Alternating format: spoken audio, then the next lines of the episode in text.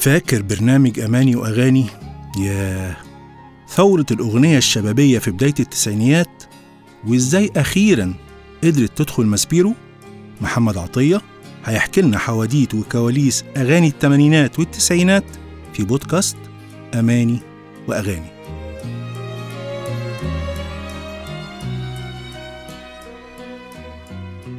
المنتج الشاطر رزق والمنتج المغامر برضه رزق. ويا سعده يا هناه اللي يشتغل مع الاتنين. كان من حظ المطربة الجميلة سيمون إنها اشتغلت مع النوعين دول. الأول المنتج الشاطر طارق الكاشف اللي اكتشفها وغير مسارها الفني بالكامل وحطها على سلم النجومية والشهرة والتاني المغامر عمرو محمود اللي كان الإنتاج عنده غاية مش وسيلة.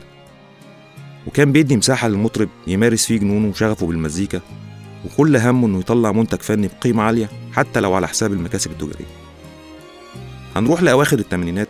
مع أغنية اسمها أحب أقولك اللي كانت أول أغنية سيمون تختارها في حياتها وكان نفسها تبتدي بيها مشوارها الفني. اتصدمت سيمون جدا لما المنتج طارق الكاشف رفض الأغنية.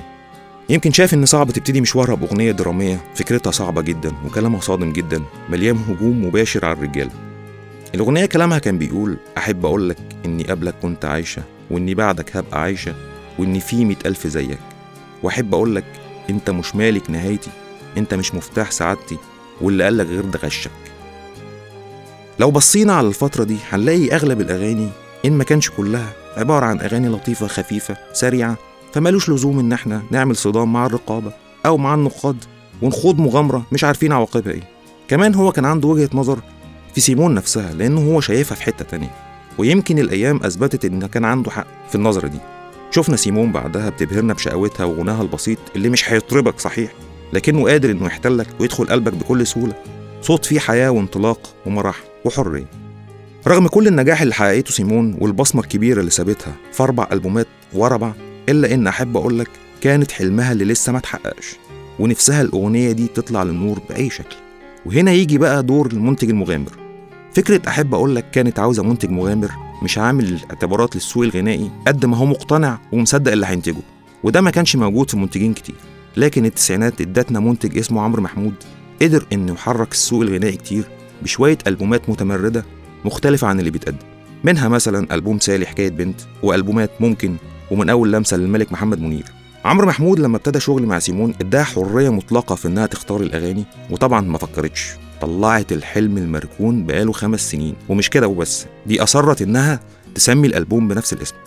مش ممكن نتكلم عن الأغنية دي من غير ما نجيب سيرة الناس اللي صنعتها. الأغنية كتبها الشاعر عصام عبد الله ولحنها ووزعها مودي الإمام. الثنائي ده تحديدا له بعض التجارب المبهرة والمختلفة عن سوق الغنى منها مثلا الأغنية العظيمة في قلب الليل للمطرب علي الحجار. لكن دايما التجارب المختلفة والمتمردة المنتجين بيشوفوا إن دي نوع من المغامرة وبيبقى مصير أغلبها الرفض زي ما حصل في أحب أقول. ويمكن ده هيخلينا نسأل سؤال مهم جدا ليه إحنا ما شفناش أعمال كتيرة لعصام عبد الله؟ الحقيقة إن الأغنية خسرت كتير جدا ببعده عنها واللي كسبه هو وكالات الإعلانات للأسف. حتى مودي نفسه ساب الأغاني وراح للموسيقى التصويرية اللي ادت له براح وإشباع فني بعيد بقى عن تحكمات المطربين ومخاوف المنتجين. الألبوم كان قمة تطور تجربة سيمون الغنائية ويمكن نقول إنه أهم ألبوم هي عملته في حياتها. كم من الأفكار المتمردة الجريئة سواء على مستوى الكلمات أو حتى في المزيكا. خد عندك مثلا الدنيا تروق اللي كانت قمة تطور أغنية البوب في وقت كان المقسوم هو اللي سايق الغنى بالكامل. هنلاقي أغنية تانية من كلمات عصام اسمها عايز أصرخ. ودي ما تقلش روعة وجمال وتمرد عن أحب أقولك ويمكن كانت تجربة مهمة جدا لسيمون لأنها سجلتها وان تيك بدون فواصل مزيكا.